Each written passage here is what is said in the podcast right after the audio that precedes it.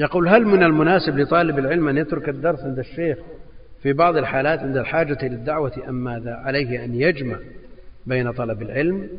والنفع العام من دعوة وأمر ونهي على أن يكون في أول الأمر الحظ الأكبر والنصيب الأوفر للعلم ثم بعد ذلك يتفرغ للعمل؟